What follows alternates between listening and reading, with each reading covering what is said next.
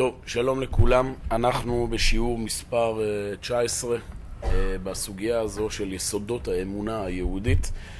אה, אני רוצה להזכיר מה ראינו בשיעור האחרון כהקשר מהמהלך הכללי. אנחנו עוד בשלבים, נקרא לזה בחצי או בשליש הראשון של. כל המהלך הזה, עוד לפני שמדברים על תורה ומצוות ועל יהדות, קודם כל אנחנו מנסים לברר מה זה אלוהים. ואנחנו כל הזמן מדברים על ציר חשיבה שלא מסתכל על האלוהות ככוח חיצוני שצריך להוכיח אותו וכולי, אלא כשלמות אינסוף שמופיע בתוך הקיומיות שלנו.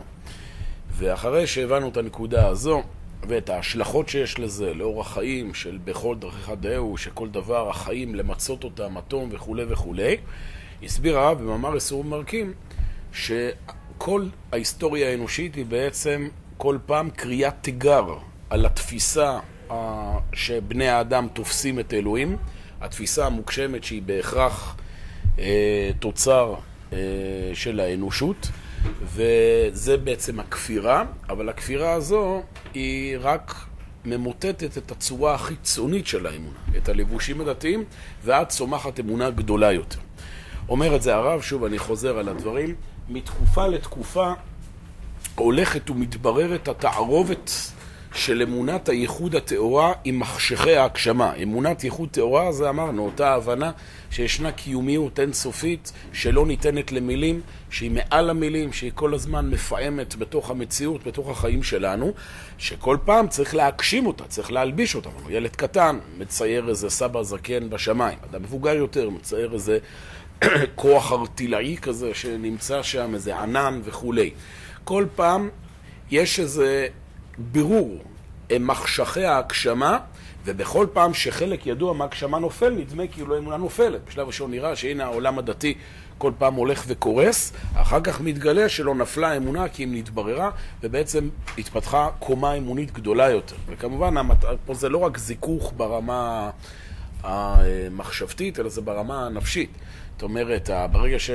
ילד תופס את אלוהים כסבא זקן בשמיים, אז זה כמובן יש השלכה על כל האישיות שלו. שכל האישיות שלו היא עכשיו הופכת להיות אישיות כזו מקומטת, שיש כאן איזה מישהו למעלה שדורס אותו וכולי.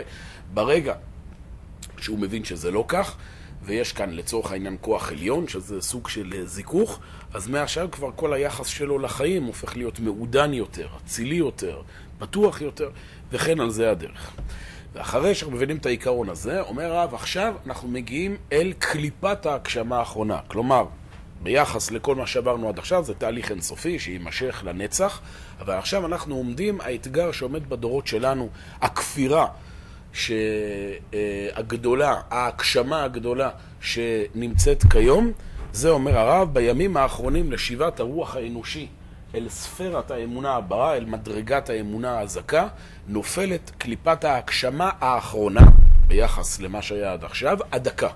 אנחנו עכשיו מתמודדים, מה שמכונה העולם התרבותי החילוני המודרני, זה כבר קליפת הגשמה, לא הגשמה גסה, כמו שהיה בימי עבודת האלילים, שאנשים חשבו שאלוהים זה איזה ישות מוגשמת, אפילו לא הגשמה הדתית שתופסת אלוהים כאיזה כוח אה, אה, רוחני עליון, אלא יש כאן משהו בהרבה יותר דק, ולכן הוא גם בהרבה יותר תופס את האדם, שהיא, מה התפיסה? יחס המציאות בכללות אל האלוהות. המחשבה שהיום היא התפיסה השולטת בתרבות, אמנם כבר אנחנו נמצאים, ונדבר על זה, כבר נמצאים בתהליך שלאט לאט כבר נבנית עכשיו הקומה היותר עליונה, אבל עדיין התפיסה הפשוטה שהיום אנשים אומרים, מה זה אלוהים? אלוהים זה המציאות, ובמילים אחרות, אין שום דבר מעבר למציאות. שימו לב, אנחנו כאן כל הזמן משתמשים פה שהקליפת ההגשמה זה יחס המציאות בכללות אל האלוהות. זה ניסוחים של הרב קוק. בפשטות, המצ... התפיסה התרבותית השולטת היום היא שאין אלוהים. כן, זה היום התפיסה החילונית, אין אלוהים. אבל הרב קוק מסביר מאיפה מגיע הרעיון הזה שאין אלוהים. הרעיון שמגיע שאין אלוהים, הוא מגיע מתוך איזו תפיסת עולם פילוסופית שהיא ביטוי לעמדה נפשית, שהמציאות, הטבע שאנחנו מכירים אותו, הוא מה שיש ואין שום דבר מעבר לזה. שזה, מילים יכולות להגיד, אין אלוהים, אין משהו מעבר לטבע. אז מה זה אלוהים? זה הטבע. זאת אומרת, המוחלטות, אלוהים, תחליפו את המילה אלוהים במילה מוחלטות, במילה אה, של השלמות הסופית. מהי השלמות הסופית? מהי המוחלטות הסופית? המציאות. אין משהו מעבר למציאות. ותכף יסביר הרב שזה כמובן לא נכון. כי באמת, מה שאנו מגדירים במציאות הוא מופלג מלות בערך בלתי נערך. זאת אומרת, התפיסה הזו שמה שיש זה רק המציאות, אין משהו מעבר למציאות, ואלוהים זה הטבע, אלוהים זה המציאות, המוחלטות היא קיימת רק בעולם הבריאה, הוא כמובן לא נכון. כי מה שאנחנו מכנים אלוהים הוא מופלג, הוא רחוק מהמציאות בערך בלתי נערך. זאת אומרת, ישנה עוד אין סופיות שהיא מעל ומעבר למציאות שאנחנו מכירים, ואליה אנחנו נפתחים. זה, זה המילים של הרב, עכשיו ניסינו להסביר את זה קצת במילים יותר ברורות, מה הרב קוק מתכוון ומה ההשפעה האדירה שיש לזה כיום. ולכן חשוב, התחלנו את זה פעם שעברה ואני רוצה להרחיב את זה הפעם, כי בעצם ההבנה של הכפירה המודרנית היא בעצם ההתמודדות המרכזית שכל אחד וכל אחת מאיתנו נמצא כל הזמן בעולם האימוני שלו. יותר, כמו שאמרתי, יותר מההתמודדות השכלית, יש פה איזה עמדה נפשית שהיא היום היא לופתת את הצוואר של האנושות. וכל הרעיון של תורת הרב, הרעיון של תורת הגאולה, זה להצליח לבנות משהו, להצליח להשתחרר מהלפיתה הזו. אמרנו שהרעיון הזה שיה, שהאלוהים זה המציאות, או שאין משהו מעבר למציאות, זה דבר שהוא כמובן מגיע מכיוון חשיבה אה, רחב היקף, מהרבה מאוד צדדים, אבל אם בכל זאת רוצים לקחת איזה דמות, איזה משנה פילוסופית שהפכה את הרעיון הזה למשהו שיטתי ולאיזושהי תפיסת עולם שהיום היא מקובלת באופן ברור, זה אמרנו, הרב קוק מתייחס פה, גם אם לא במילים מפורשות, לפילוסופיה של ברוך שפינוזה. אני לא אחזור שוב על הביוגרפיה של ברוך שפינוזה, אני מדבר רק ברמה העקרונית, מדובר כאן ביהודי, וזה לא מקרי שיהודי יצר את הכפירה הזו בעולם, שגדל במקום שהמציאות הטבעית, השוחקת, האפורה, הייתה מאוד מאוד חזקה, הקהילה מלאת התסכולים אה, שהוא גדל בה, וגם החיים האישיים שלו, הבדידות, חוסר המשפחתיות וכולי. אבל המשנה הפילוסופית ששפינוזה יצר, היא שוב התפיסה הזו שאין משהו מעבר למציאות. אומר שפינוזה, תקשיב, בעבר אנשים היו פרימיטיביים וחשבו ששולטים עליהם אלים, שיש כל מיני כוחות ששולטים עליהם. עברנו את זה. אנחנו כבר מבינים שאין דברים, כוחות אלילים ששולטים עלינו. התפיסה הדתית של ימי הביניים, הנוצרית המוסלמית, היא דיברה על זה שאין הרבה כוחות, יש רק כוח אחד ששולט עלינו. שפינז אומר, בואו נתקדם הלאה. שום דבר לא שולט עלינו. מעלינו יש רק שמיים תכולים. הזכרנו פעם את השיר הזה של ג'ון לנון. אין משהו מעבר למציאות. כל מה שיש בחיים זה רק היש. רק הקיימות הפשוטה. ואמר שהתפיסה הזו היא תפיסת עולם שובת לב. היא בעצם, במבט ראשון, היא משחררת את האנושות מאיזה כוח חיצוני ששולט עליה, ואומר, פשוט תהיה אתה. תחיה את המציאות במקסימום, את כוחות הטבע, את הכוחות האנושיים, את הכוחות הטבעיים, תמקסם אותם, וזהו. אבל התפיסה הזו, כאמור, יש לה, למרות שהיא נתפסת בשלב ראשון כקוסמת, היא תפיסה מאוד מאוד הרסנית, כי היא בעצם מוציאה את אלוהים מהמציאות. אין משהו מעבר לאנושות, אין משהו מעבר לטבע, אין משהו מעבר למציאות הברורה. החיים הם איזושהי מערכת סגורה שלא ניתן להשתחרר ממנה. אני רוצה להזכיר לכם, לפני שנתחיל לדבר על ההשלכות של התפיסה התרבותית של שפינוזה ואיך זה עיצב את העולם כמו שאנחנו מכירים אותו היום, אני רק רוצה להזכיר לכם שוב את ארבעת המינוחים הפילוסופיים שנותנים פה את ההבחנה בין התפיסות השונות ביחס לאלוהים. התפיסה, אמרנו, העתיקה, היא פולוטואיזם. פולוטואיזם, הרבה אלוהים, זה התפיסה האלילית. התפיסה האלילית, מה ששלט באנושות במשך אלפי שנים, אנשים היו מאוד גסים, הם חיו את העולם הזה, אבל הם זיהו, בסדר? שהם הם לא מצליחים לנהל את העולם הזה, האנושות פרימיטיבית, אין מדע, אין טכנולוגיה, אנשים כל הזמן מפחדים מכוחות טבע, מדברים שנדמים, ובצדק, מחוץ לשליטתם, ואז הם בדמיון שלהם מעצבים שהעולם נשלט על ידי הרבה כוחות שנאבקים אחד בשני. אל הגשם ואל השמש ואל היופי ואל המלחמה ואל ההרס, והם כל הזמן במאבקים, וזה כמובן יוצר אנושות כזו. אנושות שנמצאת כל הזמן במאבקים ובקריאה בין העולמות ופחדים. זה התפיסה הפולותאיסטית, הרבה אלוהים. עם הזמן האנושות לאט לאט הולכת ומתקדמת, ומגיעה תפיסה מונותאיזם. אחד אלוהים, אלוהים אחד. כלומר, התפיסה הדתית, שהנצרות היא זו שהובילה אותה, יקשיבו, אין הרבה אלים, יש כוח אחד ששולט עלינו. יש פה התקדמות. כי כבר אדם לא קרוע כל כך בין הרבה כוחות סותרים, יש רק כוח אחד ששולט עליו, אבל עדיין, מבחינה נפשית התפיסה היא עדיין אותה תפיסה. אתה פה ואלוהים שם.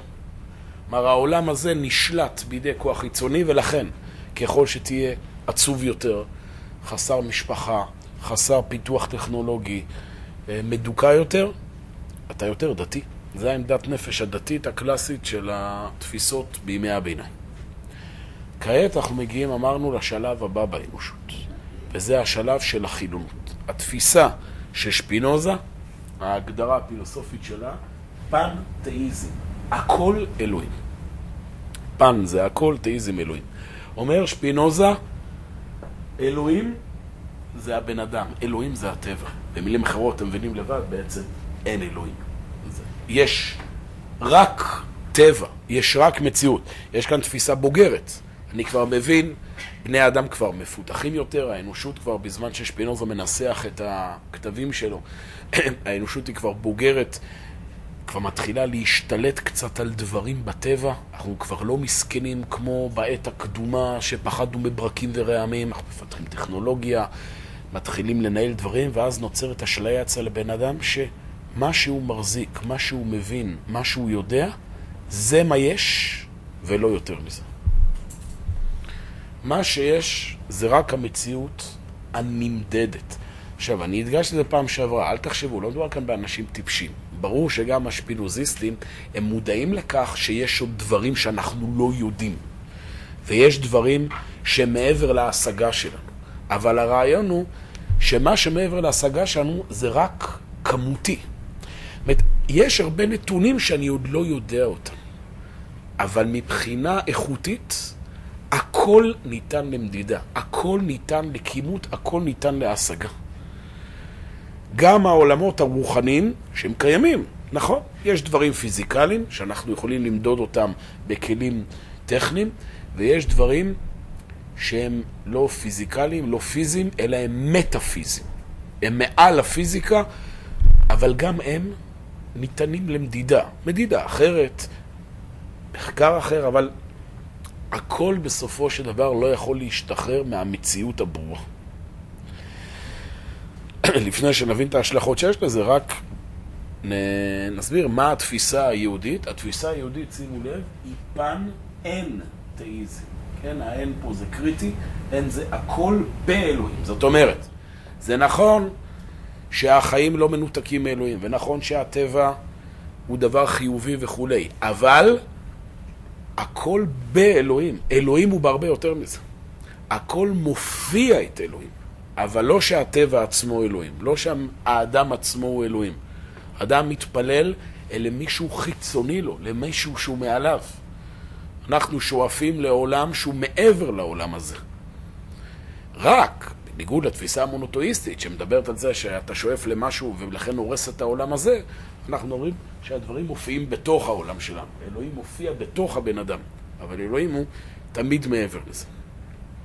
עד כאן, פחות או יותר מה שדיברנו פעם שעברה. זה ברור עד כאן? שאלות? קצת מופשט, אבל אני מקווה שהרעיון מובן. כן. עכשיו, אה, מונותואיסטית. טוב, צריך להבין את זה. מי שאמר שהיהדות היא דת מונותואיסטית, הוא צדק כשהוא התכוון להגיד, הוא התכוון מונותואיזם. עוד פעם, יש כאלה שבאמת לא הבינו, לא למדו אמונה ולא למדו מחשבה, והם תפסו, לצערנו, הושפעו לפעמים מהנצרות, מהאסלאם, כן, שיש פה איזה כוח שירוד. אבל גדולי ישראל, שהם לא אמרו את המילה הזו מונותואיזם, אבל זה היה הסגנון, הם התכוונו לבוא ולהגיד שאל תתבלבל משפינוזה. זאת אומרת, אל תחשוב שהמציאות פה זה הכל. יש משהו מעליך. אבל עומק הדברים היה לפנתאיזם. זאת אומרת, משהו מעליך שמופיע בתוך החיים. אבל עוד פעם, לפעמים שכותבים, אז התפיסה היא... זאת אומרת, עדיף לנו אדם מונותואיסט ואדם פנתאיסט. זאת אומרת, עדיף לי אדם שהוא מבין אמונה בצורה שטחית, אבל הוא מבין שיש משהו מעליו, ודיברנו על זה, והוא יודע לאן להתקדם, מאשר אחד שהוא מלא שחצנות והוא שפינוזיסט כזה, והוא אמנם מתוחכם מדעית ומנצל את הטבע, אבל הוא לא נפתח לשום דבר מעבר לזה. כן, גדולי ישראל כל הזמן דיברו על זה. יש משהו מעליך, אדם הלמעלה ממך, עין רואה, אוזן שומעת. נכון שאצל חלק מהאנשים זה נתפס בצורה מוגשמת, אבל לא נורא. בסדר? אבל התפיסה היותר שלמה, יותר מזוככת, זה מה שאנחנו מדברים עכשיו. יש משהו מעלינו, אבל הוא בתוך החיים עצמם. אבל עכשיו, זה בסדר? כן. של שפינוזה? כן. גם. הכל מדיד, גם דברים שהם חריגים מהטבע, יש יוצא מן הכלל. מבינה? יש סטיית תקן. אז זהו שלא. הם יגידו לך, גם זה חלק, כמו שאמרתי, זה לא רציונלי מה שאנחנו פה, זה משהו נפשי. גם שיש חריג, היום למשל, שיש תופעת, כן, תופעה, תופעה חריגה. אז אתה אומר, אוקיי, יש פה תופעת טבע חריגה. עד עכשיו חשבנו שמים הולכים אה, בכיוון מסוים, ועכשיו הסתבר שיש סוג של מים שפה הולכים בכיוון אחר. אבל זה גם חלק מהנוסחה. זה, מבחינה נפשית, בן אדם הוא כזה לא מתרגש מכלום. אה, כן? יש ציפורים אה, שמדברות? לא, נחמד. נחמד. יש חייזרים? נחמד. בואו נביא להם. הנה, כמו שאמרתי את זה פעם שעברה, זה, זה, זה תפיסת עולם יותר משהיא שכלית, היא, היא עמדה נפשית כזו, של אדישות מוחלטת לכל דבר. זה אינטליגנציה, מה שנקרא מרוב עצים לא לראות את היער. זה מאוד מאפיין. העולם היום מאוד מפותח מבחינת הפרטים. זאת אומרת, זאת יכול להיות אדם מדען, שבאמת הוא, הוא גאון מבחינת התפיסה הקוגנטיבית, ו... אבל מה שנקרא, מרוב פרטים הוא שוכח את הנקודה הכי בסיסית שקיימת בעולם, שיש אלוהים, שיש משהו שהוא מעבר, זה משהו שהוא לא רק תלוי אינטליגנציה, הוא תלוי אינטליגנציה רגשית, הוא תלוי נשמה. לפעמים הרבה פעמים יש ילד שהוא הרבה יותר פתוח לתובנה הכי בסיסית הזו, שיש משמעות לחיים. אנחנו נראה את זה עכשיו בדוגמאות, הרי באמת, כי אם הולכים לקו של שפינוזה, הרי... מה? הנה בואו ניקח דוגמה. שימו לב, יש ספר נקרא כל הנבואה. זה ספר שכתב אותו הרב דוד הכהן, הרב הנזיר, תלמידו הגדול של הרב קוק, שהוא ממש עשה ניסוח מופלא לדעתי של ההשלכות שיש לתפיסה השפינוזיסטית, אני בכוונה לומד את זה איתכם, כי זה בעצם צילום מצב של העולם התרבותי שלנו היום. הוא כותב כך: הפילוסוף האמסטרדמי, כן, שפינוזה, סטה בדרכו בהפריזו, בהפריזו זה בהגזמתו, בעיקר הראשי בשיטתו, שמה הוא סובר שפינוזה? הכל אלוהות, פנתיות, כן, פנתאיזם, מוחלטה, שימו לב לניסוח של הרב הנזיר, של הרב הנזיר, מבלי שיהיה הוא, ברוך הוא. שאנחנו אומרים, הקדוש ברוך הוא, מה אנחנו רוצים להגיד? שיש הוא. אלוהים זה לא אתה, לא להתבלבל. אנשים מתבלבלים, אה, נדבר על זה גם בפעם הבאה, שבחסידות קצת זה יצר בלבול, שצריכים להגיד, אה, אני והוא, כאילו, אלוהים זה אני. יש הוא, יש משהו נבדל מעבר לעולם הזה. התפיסה האשפנוזיסט אומר לא, יש רק אני. יש רק קיימות עכשווית. מבלי שיהיה הוא, ברוך הוא נבדל לעילה מהכל. מה שאנחנו מדגישים כל כך בקדיש. יתגדל ויתקדש שמי רבה. לעילה מכל ברכתה, שירתה, תושבחתה ונחמתה. כל מה שתגיד, כל מה שתדע, זה עוד כלום לעומת האלוהים. ועוד פעם, לא רק ברמה הכמותית, שזה גם שפינוזיסט יגיד, כן, נכון, כל מה שנגיד, תמיד יש עוד מה ללמוד, יש תמיד ציר אינסופי של מספרים. לא, לא. מבחינה נפשית זה הענווה המוחלטת. אתה בפתיחות מוחלטת לכל מה שאי פעם בני האדם והברואים יגיעו אליהם. אלוהים הוא תמיד מחייב והוא מעבר לכל זה. כן. לא, כאילו, אוקיי, אמרנו? ודאי. כאילו, אמר- לא את צודקת. אנחנו, התפיסה המונותואיסטית הפשטנית אומרת יש רק הוא ואין אני. שפינאוזה אומר יש רק אני ואין הוא. אנחנו אומרים בהושענות, נכון? אני והוא הושיענה. לא, וגם אני זה חלק.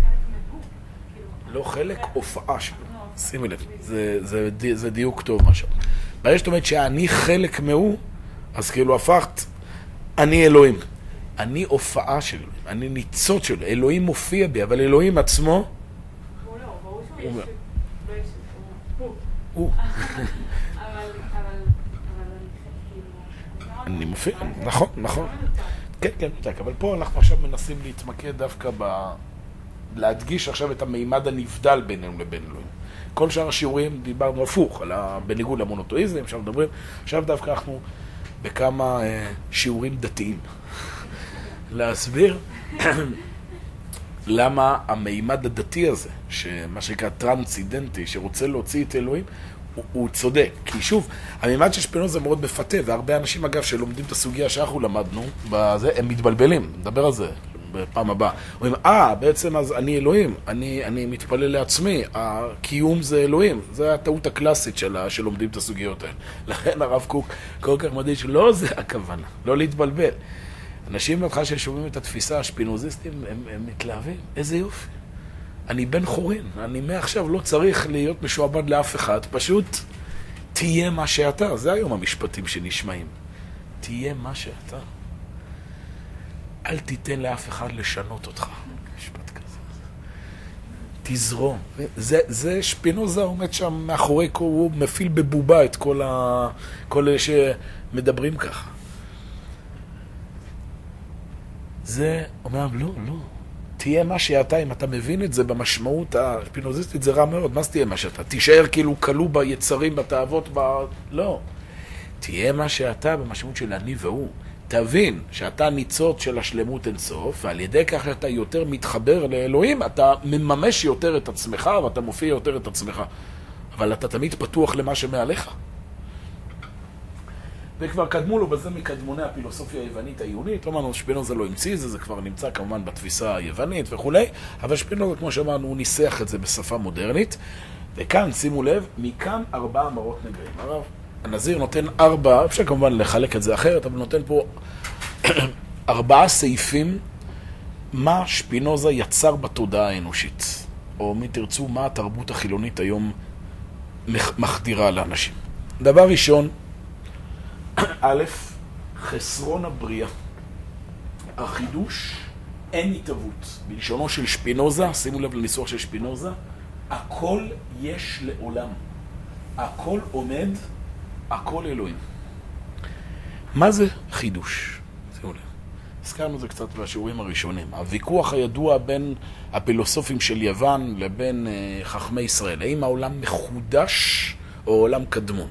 שזה כביכול פילוסופי, האם העולם נברא או שהעולם תמיד היה. הוויכוח הזה, הסברנו בזמנו, הוא לא ויכוח אסטרופיזיקלי. אי אפשר לדעת איך העולם נוצר, אין לנו יכולת. זה ויכוח בדיוק נפשי רוחני. התפיסה השפינוזיסטית היוונית היא העולם קדמון. אין התחדשות במציאות. אנחנו נמצאים פה באיזושהי מערכת מתכתית, תוכנת מחשב כזו שהולכת ו... ומתקדמת. אין אפשרות להתחדש. אין אפשרות לפרוץ את הטבע. מה ההשלכה שיש לזה ברמה המוסרית? כמו שאמרנו קודם. תעשה מה שאתה רוצה. אין איזה כיוון, אין איזה משהו שאתה צריך להשתנות בשבילו. התחדשות זה שינוי. זה היכולת ל... לא, לא. יש פה איזה מנגנון שמה שלא תעשה, אתה שבוי בתוכו. אנשים מתבטאים בכל מיני צורות. גורל, זה גם איזה סוג של אה, שפינוזיסטיות עקיפה. גורל, זה מה יש. מכתוב. זה מה יש. לא יעזור. זה לא יעזור. הקלה יפה מדי, יש כזה גם ביטוי כזה. שמשהו נראה טוב מדי, זה נראה טוב מדי. יש פה משהו, יש פה איזה קאץ'. כי אין אפשרות באמת שאול. מה זה טוב? טוב זה משהו שהוא לא מוגבל. טוב זה משהו שהוא פורץ. מה שלא תעשה, אתה תמיד, תמיד, תמיד שבוי בתוך העולם המוגבל. הכל יש לעולם, הכל עומד. אתם מבינים, התפיסה השפינוזיסטית זה התפיסה שהעולם הוא סטטי. אין, אין באמת שינוי. יש פה בסך הכל, בתוך המעגל הסגור, שינוי של מצבי צבירה. אבל אתה תמיד, תמיד, תמיד נמצא פה. יש, אה, אולי הזכרת את זה פעם, ש, שזה מיתולוגיה יוונית שמדברת על המלך מידיאס. מלך מידיאס, הזכרנו את זה כבר פה. כבר לא זוכר מה אמרתי פה, אמרתי בשיעורים אחרים, אבל המלך מידיאס, יש איזו מיתולוגיה יוונית שהיה מלך שהאלים, הוא מאוד אהב זהב. ואז האלים קיללו אותו. מה הם קיללו אותו? שכל מה שהוא נוגע בו יהפוך לזהב. מגע מידיאס, זה כזה ביטוי. ואז בסוף הגיע מצב שהוא מת מרעב, כי כל אוכל שהוא נגע בו נהפך לזהב והוא לא יכול לאכול. זה, אם תרצו, השפינוזיסטיות. שפינוזיסטיות זה מגע זהב. הכל נוצץ, הכל מסודר, אתם יודעים, זה קוסם. אפשר להכניס הכל לטבלאות. הכל, הכל פה זה מערכת, הכל זה נוסחאות. אבל בסוף מתים מרעב, אין בזה חיים. אדם... הוא יודע לתאר את המציאות, אבל לעולם לא יכול לפרוץ אותה. ומזה מגיעה הנקודה השנייה. כפירה בניסים. בתפיסה השפינוזיסטית אין ניסים. איך הוא במסכת תיאולוגית פוליטית, זה שם של אחד המאמרים של שפינוזה, כל הפרק השלישי נגד הניסים, הכל בטבע. מה זה נס? נס, זוכרים, למדנו את זה בשיעורים, זה נס מתנוסס. זה ביטוי לכך שהמציאות הטבעית היא לא סוף פסוק, יש נס, יש איזה דגל שפתאום מתרומם ובא להגיד שהטבע אפשר לנצח אותו, שהדברים הם מעבר למציאות הרגילה. בתפיסה, העמדה השפינוזיסט החילונית, היא לא רוצה ניסים, היא מפחדת מניסים. יסבירו לך כל דבר שהוא בעצם רק איזו תופעה טבעית ש... שאפשר להסביר אותה.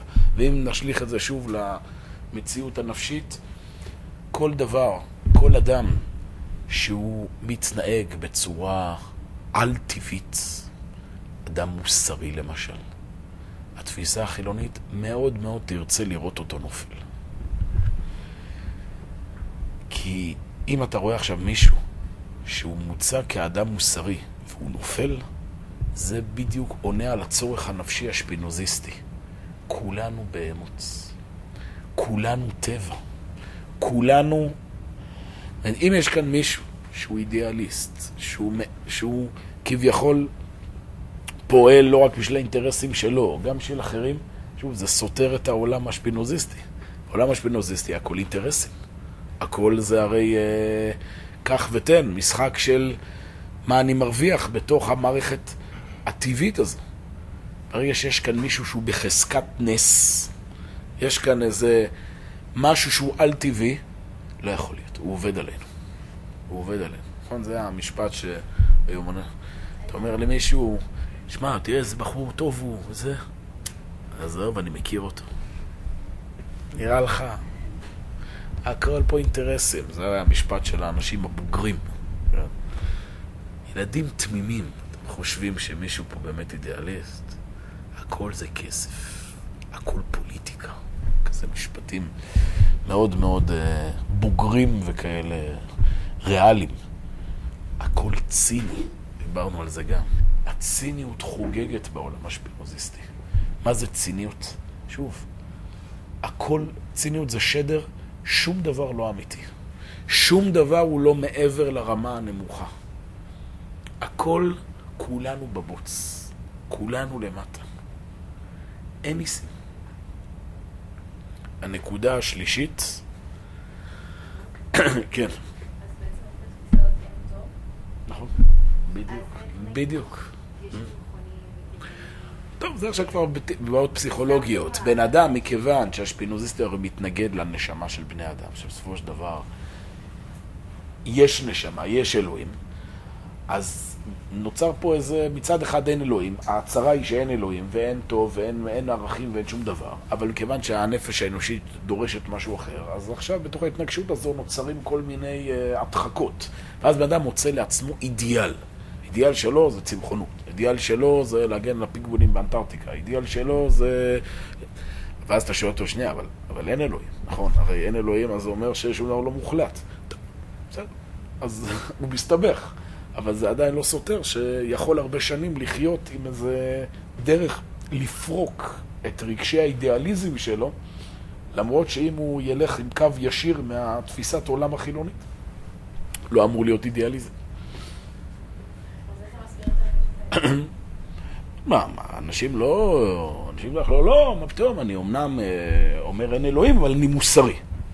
טוב, אבל תשאלי אותו, אבל איך זה יכול להיות? הרי מוסר, אם אתה אומר שאין אלוהים, אז איך אתה יכול להיות, אז איך, מה זה מוסר בכלל? אנשים, אנשים יכולים לחיות בסתירה עצמית יפה מאוד, זה לא, לא חדש לנו. המוסר לא, הוא לא נתלה על הקדוש ברוך הוא, כאילו יש אנשים שהם לא אם. אם את הולכת, את צודקת, כי ודאי, כי לכולם יש נשמה, וברור שבסופו של דבר הם מוסריים, אבל ברגע שהתרבות כל היום משדרת, אין אלוהים, הכל טבעי, זה תהליך, זמן עד שגם המוסר מתפרק. לוקח כמה מאות שנים, שבן אדם מביא לעצמו איזה אידיאל מוסרי, שוב, שהוא מאפשר לו לחיות עם ה... בשלום עם המצפון שלו. אני לא מאמין באלוהים, אבל אני מאמין בזה שצריך לדאוג למשפחה. אבל אחרי כמה דורות מתחילים לשאול שאלות, למה צריך לדאוג למשפחה? למה? למה? לא. כי, כי עוד פעם, אם הולכים עם קו החשיבה הזה, שאין אלוהים, אין מוחלטות, הכל פה זה רק מערכת טבעית וכולנו לא יותר מאשר אה, פה תוכנת מחשב. למה? הוא חשוב. למה הוא. חשוב? כי כרגע זה. אבל בסדר. אבל, אבל אם עכשיו אני לא חווה את זה, ואני מרגיש צורך לעזוב את הילדים שלי להנחותיהם, מה את רוצה? זה הטבע שלי, זה אני. מה את עונה? אם את הולכת עם הכיוון הזה, השפינוזיסטי עד הסוף, מה את עונה על זה? אלא כמו שאתה צודקות, הרבה לא הולכים בכיוון הזה עד הסוף, כי הם, כי הם, זה סותר את הדברים הכי קיומיים של בני האדם. ומכאן את מבינה שלמה שפינוזה טועה. כי הוא סותר את הקיום היותר תהומי של בני אדם, שיש ערכים, ויש אמת, ויש נשמה, ויש משפחה. בסדר? כן. אה, לא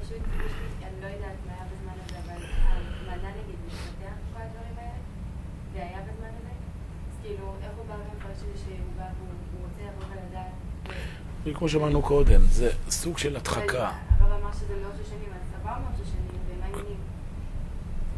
ובאמת, היום באיזה שלב גם אנשים יבואו וישאלו, עוד פעם, אדם חי בעולם הזה, ועל כורחך אתה נולד. אני חי בעולם הזה. אני חי בעולם הזה, יש איזה כורח חיים שהוא חזק יותר מכל השטויות ששפינוזה מספר לכולם. אבל, מכיוון שעדיין התודעה הגלויה היא שזה האמת, אז נוצרים פה אין סוף סתירות פנימיות. אני מצד אחד בעצם אומר שאין בשביל מה לחיות.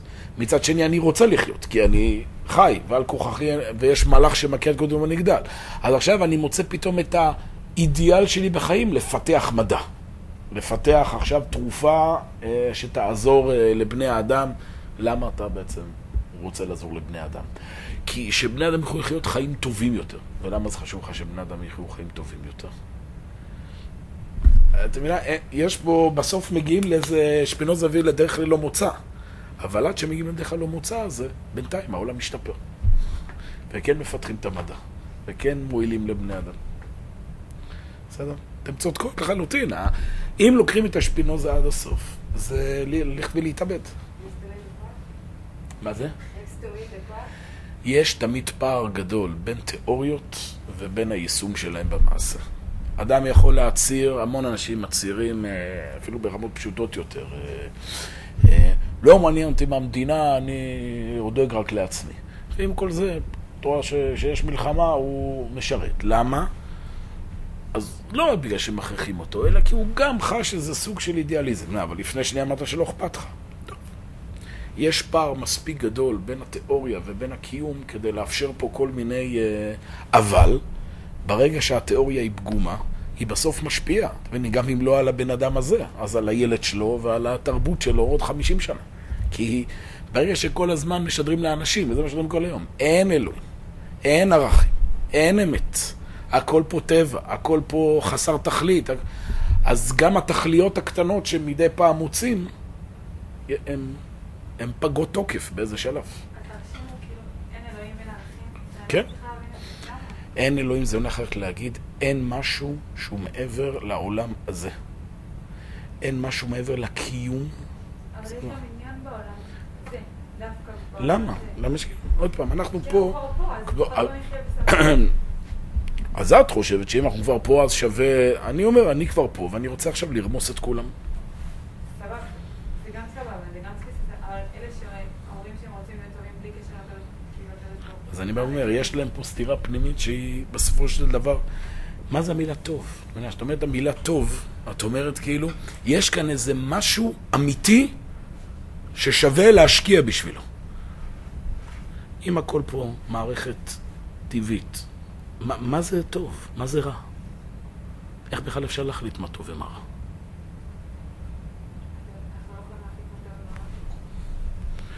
אם הכל פה, אין אלוהים, אין נכון ולא נכון, אין אמת ולא אמת, יש רק קיום סתמי. מי החליט מה טוב ומה רע? אז את גדלת בחברה מסוימת שאומרים לך, טוב זה להעביר זקנה את הכביש. אני גדלתי בחברה מסוימת שלא, דווקא זה לא טוב. הטוב זה לשדוד זקנה. מיד שתגידי לי שזה לא נכון. מה, אלוהים דיבר איתך? אין אלוהים. מאיפה את יודעת שאת צודקת ואני לא צודק? מי שאומר, מי שמוציא את אלוהים מהמשוואה, מי שהולך בכיוון הזה, אין חידוש, אין ניסים, אין אלוהים, אין, אין משהו לקיום, נכון? זה העולם, אנחנו לא משחקים פה בתיאוריות, זה דברים שיש להם השלכות קיומיות לעולם. זה לא... מה תגיד, יש אלוהים, אין אלוהים. אם אין אלוהים, אם הכל טבע, אתה חותם על ההשמדה של האנושות. רק זו שאלה של זמן, תכף נראה את זה גם. הנאצים היו שפינוזיסטים קלאסיים. זה בדיוק התפיסה. יש פה טבע, יש פה דטרמיניזם. החזק שורד, החזק צודק. נכים, חלשים, אתם מפריעים לתוכנה. אתם מפריעים לתפקוד. מה זה מוסר? מה זה צדק? תכף נראה את זה בצורה יותר מסודרת, אבל אני רק אומר, תבינו את העיקרון. מה זה? מה זה? את מה? הסברנו, כי זה עכשיו בא לפתוח את האנושות לאלוהים שמופיע בתוך הטבע. אז קודם כל יש עכשיו תקופה שעוזבים את האלוהים שנמצא למעלה ומתמכרים לטבע, מפתחים אותו, עובדים אותו וזה וזה וזה. רק כל הזמן מסביר אבל מה הנזקים, שזה נשאר רק ככה. הדבר השלישי, שימו לב, אומר הרב הנזיר השלכה שפינוזיסטית קלאסית, הגבלת הבחירה, דטרמיניסטיות, שלילת חירות הרצון, אין בחירה חופשית. כל מה שאתה עושה, כל מה שאת עושה, הכל קבוע מראש. מה ההשלכה של זה? חוסר אחריות.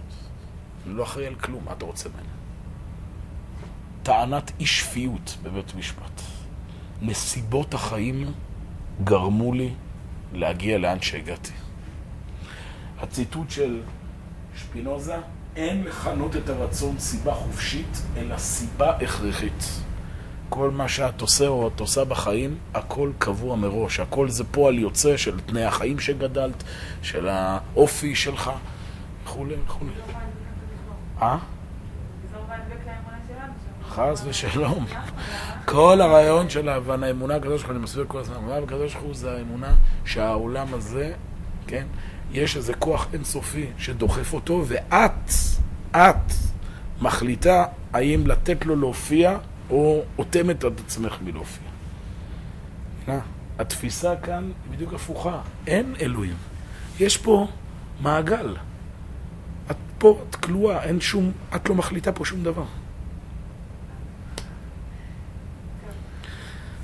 אל תתבלבלי בין המונותואיזם לפנתאיזם. זה, זה, יש פה נקודות שאפשר לבלבל, כי באמת התפיסה הדתית השטחית היא גם אומרת, אני לא כלום ומישהו מפעיל אותי. זה בעיה אחרת, שבן אדם מאבד את ה... אה, את ה... את הרצון לבחירה החופשית, אבל לפחות הוא מבין שיש איזה כוח, לצורך העניין, שמוביל אותו למשהו חיובי. פה אין כלום, את מבינה?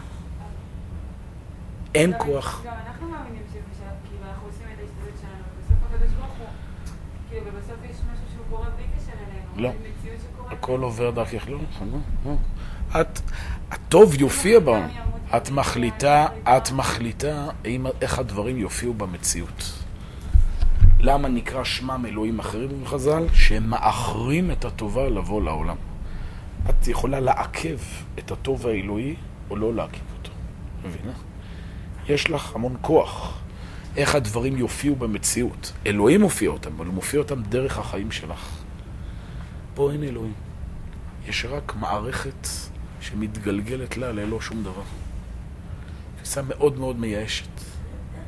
והדבר האחרון שאולי הוא הכי יבהיר את הבעייתיות, שלילת מעלות החסד והחמלה.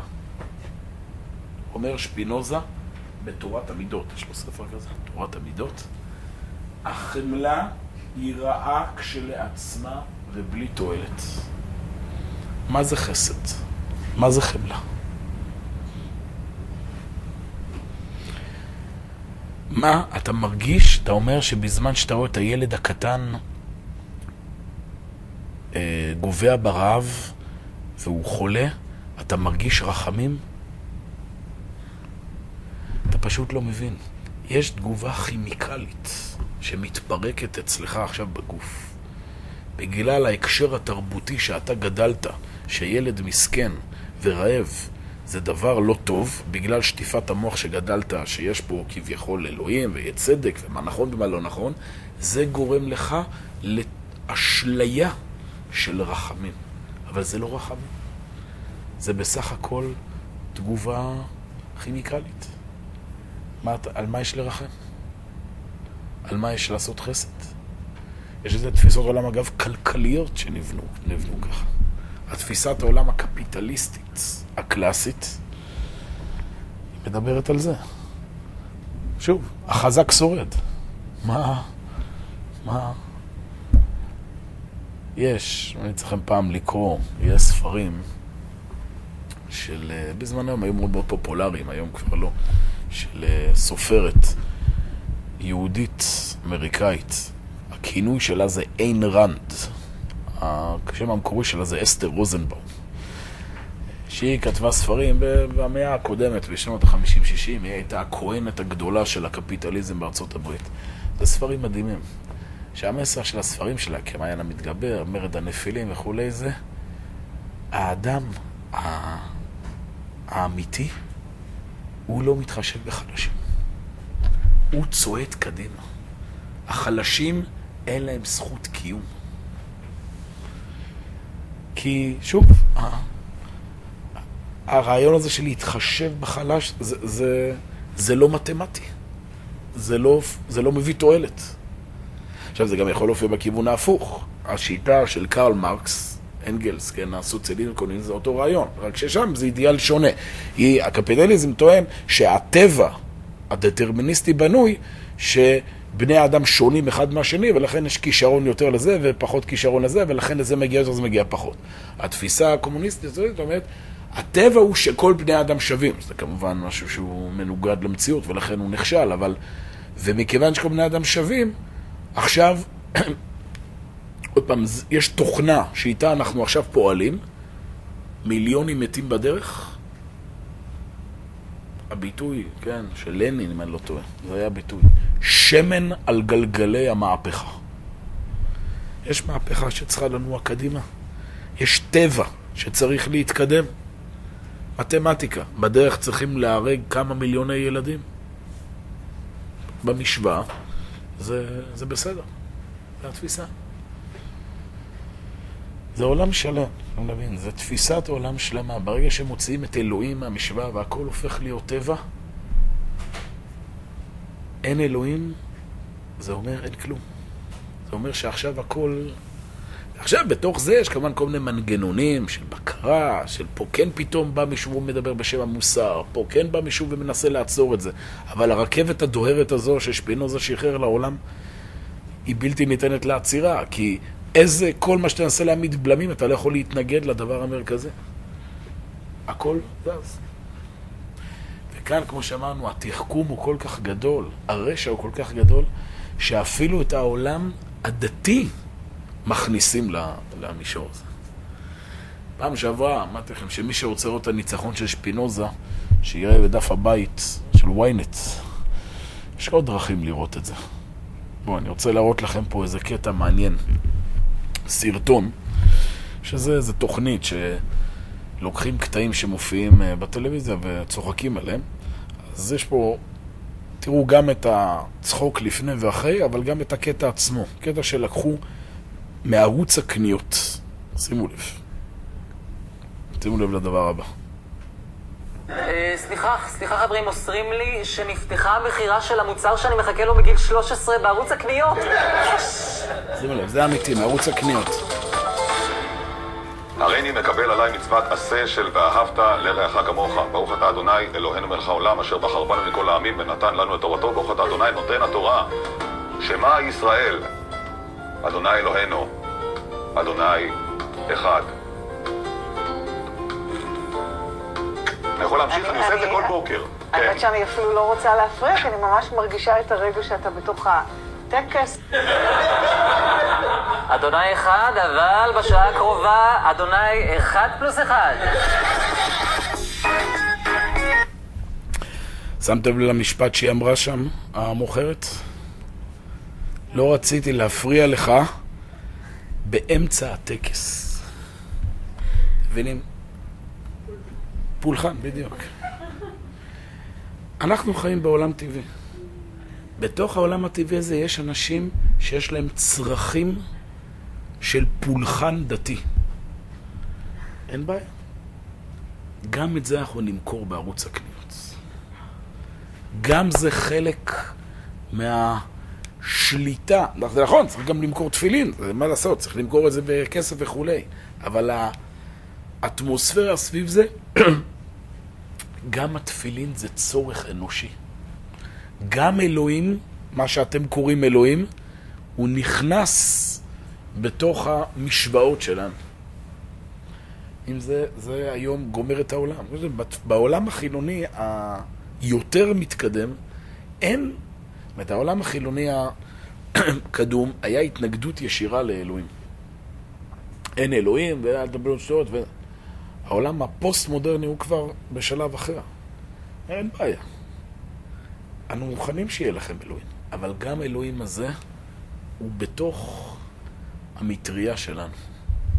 גם הוא מסחרי, גם הוא ניתן להכניס אותו, כמו שאמרנו, לתבניות. שפינוזה למשל ייסד את הדבר שנקרא ביקורת המקרא. יש טקסט, יש טקסט שבני האדם, שימו לב, מייחסים לו קדושה. לא שהוא באמת קדוש. כי מה זה קדוש? קדוש זה אלוהי, אין אלוהים. בני האדם מייחסים לטקסט הזה קדושה. בואו ננתח אותו. ננתח אותו בצורה ספרותית, ננתח אותו בצורה היסטורית.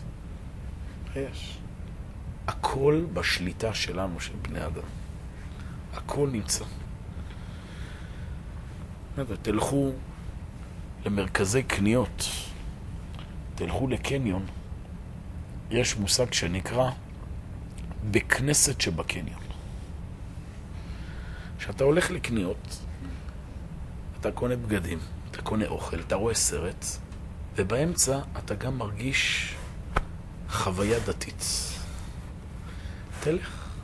בקניונים, בין הכניסה למדרגות חירום לבין השירותים, יש גם חדר לדתיים. בעיה. באתם לקנות, גם תתפללו. אבל שפינוזה עומד שם על המדרגות הנאות בקניון וצוחק על כולם. כולכם עובדים אצלי, גם הדתיים. אם זה הם לא אותנו? זה לא מגיע, עוד פעם, זה לא מגיע משם. זה מגיע מעמדה כזו שאני מכבד, אבל מתוך הבנה שאין משהו, זה לא בכוונה. כאילו, זה לא ש... אין משהו אני לא מבין שיש משהו מעבר לזה. מבחינתי, גם הדתיים, גם העולם הדתי, הוא חלק מהמערכת הגדולה הזו של הטבע. מבינה? זה יפה שמכבדים, אבל את מבינה מאיפה זה מגיע. זה לא מגיע מתוך זה הבנה שיש משהו מעבר לאנושיות, יש משהו מעבר לעולם הברור. הכל בסופו של דבר אצלנו. ולפרוץ את זה זה מאוד מאוד לא פשוט. בסדר? כן.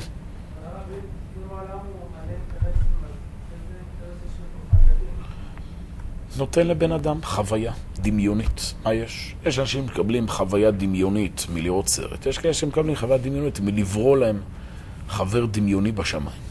שהם יכולים לדבר איתו. כי הם אנשים, קשה להם בחיים, והם צריכים איזה מקום אה, לברוח אליו וכולי, ואני מוכן לספק את זה.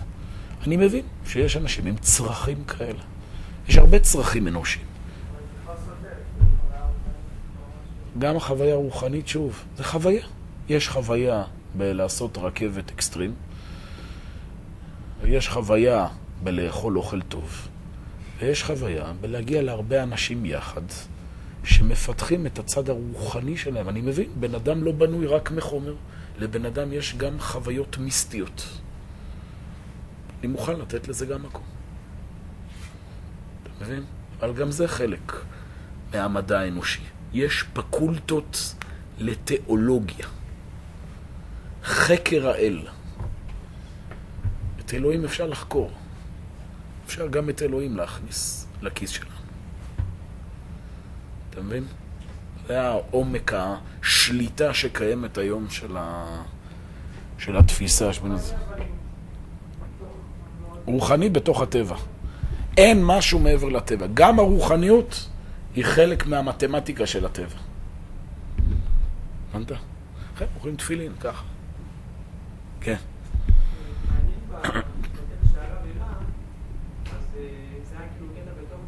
כן, הוא צחק על זה. כי הם הבינו, הם הבינו, עוד פעם, כולם מבינים שיש איזה בעיה לעשות את זה. אבל כמו שאומר לך, זה העולם. כאילו, הוא צוחק על זה. זאת אומרת, הוא כבר בקטע של ה... אתם כל כך עלובים בדתיות שלכם, שאפשר גם לצחוק על הדבר הזה. זה ברור, אנשים מבינים שיש כאן משהו לא בסדר, נכון? ש... ש... ש... שמוכ... מה הבעיה? מוכרים תפילין, מה יש? עושים טקס, הנה יש פה טקס דתי וכולי. אבל מה לא בסדר, אנשים לא יכולים לצאת מזה, כי הם לא... כי... טוב, זה, זה מה יש, מה אתה עוד רוצה? בייחוד, שימו לב, אומר הרב הנזיר, בייחוד חסר בשיטתו של שפינוזה עיקר החיות העולמית, הבורה והמחדשת. השם חיות, חי, חיים, נפקד מקומו בספר האתיקה. ספר האתיקה זה אחד הספרים של שפינוזה, לא מופיע שם המילה חיים. אין שפינוזה זה אין חיים, יש רק מעטפת טכנית למציאות. אין משמעות, אין פנימיות, קיום סתמי. וכמו שאמרתי, הדברים האלה הם לא נשארים רק באוויר. זה דברים שבסופו של דבר הם אלה שיוצרים את הייאוש. הם אלה שיוצרים את האכזריות. הם אלה שיוצרים בסופו של דבר את החוסר התוחלת שכל כך נמצא היום בכל דבר במציאות. העולם מפותח, טכנולוגית וזה, אבל העיקר חסר מהספר. בשביל מה? ששפינוזה יש רק איך. איך מסדרים, אין למה. אין מה, בשביל מה עושים את זה. לפני בערך 200 שנה היה משורר יהודי גרמני בשם היינריך איינה, שהוא היה יהודי מתוסבך כשלעצמו, התנצר, חזר וזה, טוב, קשה להאשים אותו במציאות שהייתה אז בגרמניה, אבל הוא אדם עם כושר ביטוי מדהים ויכולת הבחנה מדהימה, והוא כתב משפטים. הוא חי בגרמניה, ששם שפינוזה תפס, חבל על הזמן. מכל אירופה, התפיסה השפינוזיסטית תפסה בגרמניה, כי זה בדיוק הסתדר עם האופי. הדתיות אף פעם לא תפסה בגרמניה. השבטים הטפטונים הגרמנים אף פעם לא הסתדרו עם הכפייה הדתית של הכנסייה. לכן גם היה שם את הרפורמציה, גם התחילה משם. אבל כשהגיע שפינוזה, הם מיד קלטו את זה. אין אלוהים. תראו איך מתבטא איינריך היינה, 200 שנה. לפנינו, תראו איך הוא כותב. אם יבוא היום וינצח השטן, מה זה השטן? הפנתאיזם החוטא ומחטיא. ישמרונו ממנו כל קדושי הברית הישנה והחדשה והקוריאן גם יחד.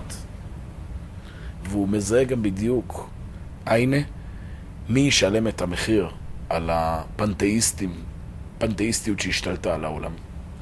אז, שהפנתאיזם ישתלט על העולם, תתחולל על ראשי היהודים המסכנים סופת רדיפות אשר סבלותיהם הקודמים יהיו כעין לפניה. רעדה אוחזתני למחשבה הזו, וחמלה רבה אין קץ מפכפכת בליבי. הוא זיהה. ברגע שהפנתאיזם משתלט על העולם, ברגע שהשתלט על העולם התפיסה החילונית, השפינוזיסטית, שאין אלוהים, אין חסד, אין חמלה, יש פה רק מערכת מתכתית שהולכת וצוברת, העולם באיזה שלב יזהה שישנו עם אחד שהוא משדר בדיוק הפוך. עם שבהיסטוריה שלו מדבר על אמונה, על תקווה, על אלוהים, על מוסר, והם ינסו להשמיד את העם הזה. מי שיקרא או תקרא פעם קטעים ממיין קאמפ של היטלר, זה בדיוק, זה השפינוזיסטיות הקלאסית. עולם, אין בו אין חמלה, אין אלוהים. יש קיום אלים של חזק, וכל מי שחלש, ובטח ובטח מי שמדבר על זה שגם לחלש יש מקום, אחת דתו להשמיד. זה הרעיון. והמלחמה הזו נגד הפנתאיזם, אני אומר לכם, זה לא מלחמה רק להבין את זה עכשיו ברמה העקרונית. זה מלחמה שכל אחד ואחד מבצע נפשית. לא להתקבע, לא להיכנס לעולם של מתכתיות, לא לתת לשגרה לנצח, לא לתת לתחושות הייאוש, אלא כל הזמן להיפתח לאלוהים. יש משהו שהוא מעבר לטבע. יש משהו שהוא מעבר לחולשות. יש משהו שהוא מעבר לכישלונות. יש אלוהים. זה העמדה הנפשית. אדם מתחדש, אדם מוסרי, אדם שכל הזמן מופיע את האין סוף בחייו, זה הניצחון, זה המאבק נגד השפינוזיסטים. וזה הנקודה שהעולם נמצא בה היום. האם אדם הולך ושוקע בחיים טבעיים, במשמעות הלא טובה של המילה הזו? עוד פעם, בחיי שגרה של חוסר סתמיות, של סתמיות וכולי, או שבן אדם נמצא כל הזמן במאבק נגד הטבע. אני מה? הטבע הוא מושך את הבן אדם. הטבע שואף לאי סדר. כן? אם אדם הוא פסיבי, הוא לא מתרומם, הוא יורד כלפי מטה. בשביל לנצח את האשפינוזיות צריך להיות כל הזמן אקטיבי. צריכים להיות כל הזמן נגד הזרם, כי הזרם מושך אותך שוב להתפרקות, לטבעיות העיוורת. אדם כל היום יוצא ממצרים, כל היום יוצא מהמיצרים, נמצא כל הזמן בעבודה, בעמל. הוא כל הזמן מבין שיש אלוהים. והטבע היותר פנימי של העולם זה כן הסדר. זה כן שהדברים יהיו מסודרים יותר, ערכיים יותר, אמוניים יותר, צודקים יותר, ערכיים יותר. וככה המציאות הולכת ומתקדמת ומשתחררת מהשפינוזיסטיות.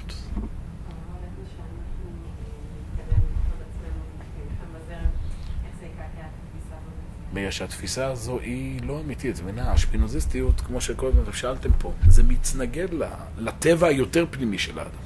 כמו שאמרתי, ניקח את זה דוגמה שוב, ש... שאת משאירה את הטבע כמו שהוא, באמת נראה שהג'ונגל משתלט. אבל לטווח ארוך, בסוף, בסוף הטבע מתקן את עצמו. בסוף הטבע שורד, ובסוף הולכים ומתפתחים מינים וכולי. זאת אומרת, לטווח ארוך, בוודאי שבני האדם רוצים ערכים, רוצים אה, עולם וכולי וכולי. רק ששוב, זה מטה אותם, כי הנה, עכשיו הנה, יש אפשרות להתפרק.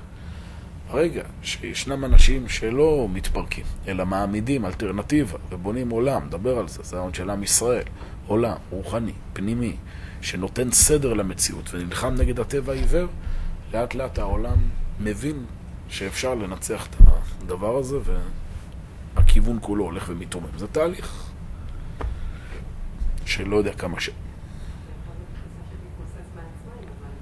נכון, זה יתמוסס מעצמו, צודק. השאלה היא איזה מחיר ישלמו בדרך, אנחנו מנסים לקצר תהליכים. הנאציזם בסוף נפלו. למה? כי שוב, הם התנגדו בסופו של דבר לדבר היותר בסיסי שקיים בנפש האדם. מוסר, והאנושות בסוף התקוממה נגדם. אבל את רואה בדרך, מה קרה? כמה מחירים העולם ישלם עוד עד ש... איך אומרים את זה? יכול לא יודעים.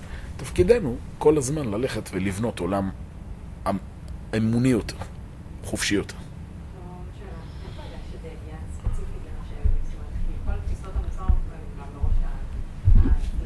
אז הנה, הנה היה מספיק חכם בשביל לזהות מי המקור של המוסר בעולם. יש לו אגב ניתוחים מדהימים בעוד הרבה תחומים. היה אדם עם יכולת הבחנה, זיהה. הוא הבין מה זה הנפש הגרמנית, והבין מה זה הנפש היהודית, הבין שברגע שהתפיסה הזאת תשתלט, זה התנגשות בלתי נמנעת. טוב, מקווה שהצלחנו להעביר את העניין. נעצור כאן.